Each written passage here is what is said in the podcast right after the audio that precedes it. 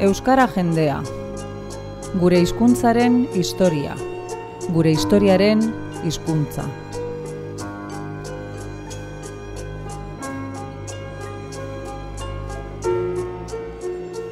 Izen bereko liburuaren egile den samar ikertzaileak, Bilbo iria irratearekin solasean, pasarte laburretan, aurkeztu eta azalduko diguna.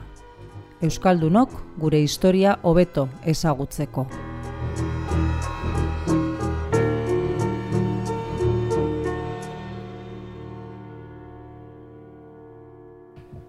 Gaurkoan, gerrak eta euskara.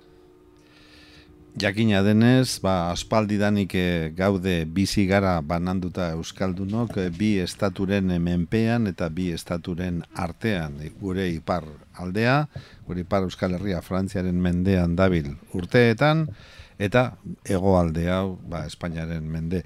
Eta bi estatu hauek mugakide diren bi estatu hauek mugak direla eta erligioak direla eta beste hainbat kontu direla eta ba, muturka eta gerra artean ibili izan dira ba, menderen mendeetan eta euskaldun hori ere ba, horren kontuak jasatea tokatu zaigu zoritxarrez eta gure mutilak e, ba, soldadu ibili beharra eduki dute alde batean edo bestean. Eta horrek jakina, e, nolare bait, zer ikusi auki du Euskararekin, eta hori da, samarrek gaurkoan e, zabaldu, kontatu eta zabaldu nahi digun e, gaia. Kaixo samarra da? Bai, kaixo, Xavier. Espainia eta Frantziaren arteko guda hoietan, Euskaldunak alde batean zein bestean, noski guk eh, mugaz bi aldeetan bizi garen eskero, eta hori oso nabarmena izan zen adibidez, emeretzigarren mendearen hasierako ba, e, gerra hartan. Bai. Napoleonen e, gerra ditzen diegun hortan. Bai, hori da frantzestea ez.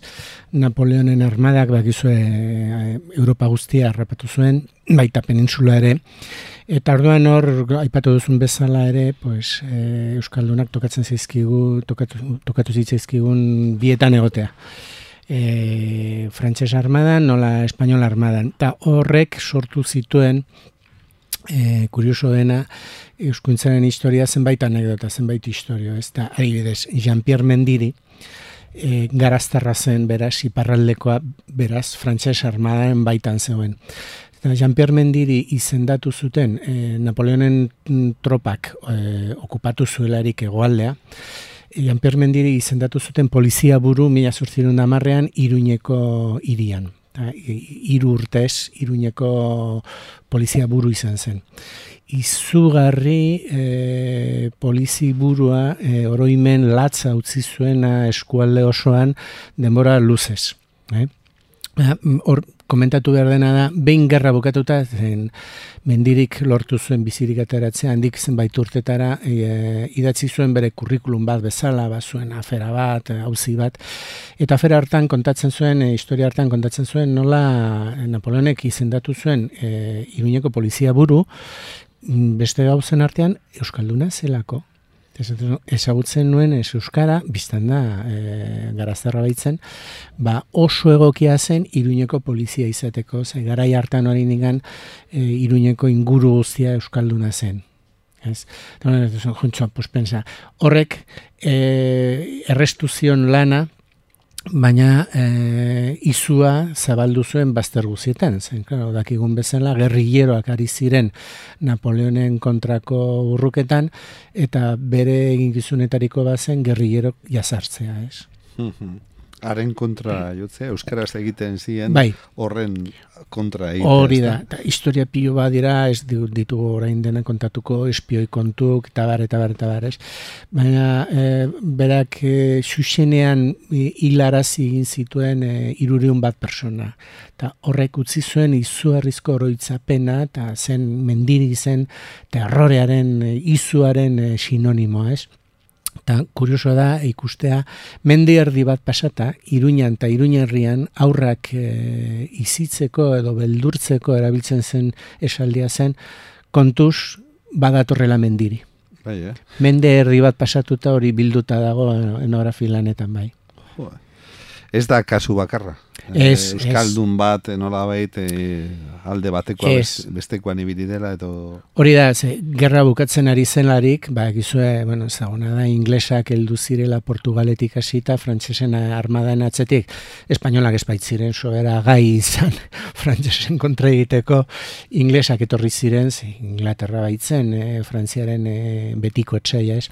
Eta inglesak iruñera iritsi zirenean garaiko iruña hormaturik zegoen itxi zituzten atariak eta ezin zen sartu ez atera ere. Orduan, e, ingles armadak Wellington buru zutela, famatua, setiatu zuten iria. E, egin zu, inguru, inguratu zuten, eta ez zuten usten inor sartzen, eta inor e, e, ateratzen.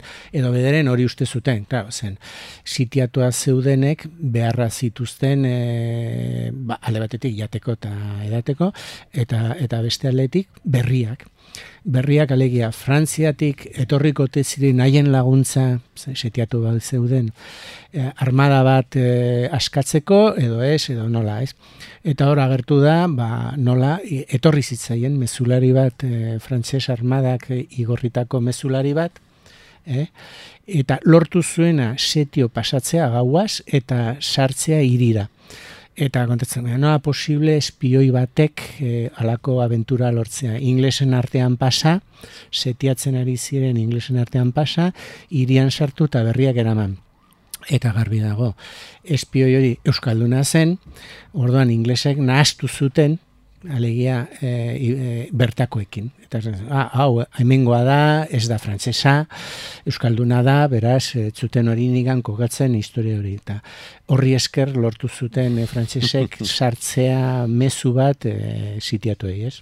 Mm Bueno, ba, ikusten ari garena da, gerrak eta gerrak eta euskara, ez da? Gehien bat, zentratzen ari gara, ba, frantxestearen e, garaian, Napoleonek, e, bueno, Europa osoaren kontra, Espainiaren kontra ere, ba, burutu zuen gerra hartan, eta ingelesen presentzia ipatu digu esamarrek, lehenengo eta bat, e, polizi, iruñeko polizi buruarena, mendiri, mende erdi geroago ere aurrak izutzeko erabiltzen zen izena utzi zuena. Izu arrizkoa, bai.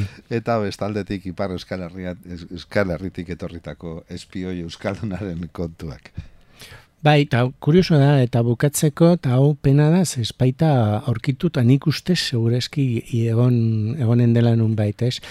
Inglesak nola hemen zeuden, in, inglesak oso, oso jende, bakizu, ez? Oso txukuna, oso mm -hmm. detai zaintzen dutena. Solado batek, bere ofizial ingles batek, Nafarroan ibilitako na, ofizial ingles batek, komentatzen du bere, bere me, memorietan gero idatzitakoan, ba, nola e, antzeudenez, ba, e, ingles armadak banatu zuela ofizialen artean liburuzka txiki bat, e, iztegi txiki bat, e, ingles euskara, ba, e, inglesek lortu alizateko komunikatzea bertakoekin.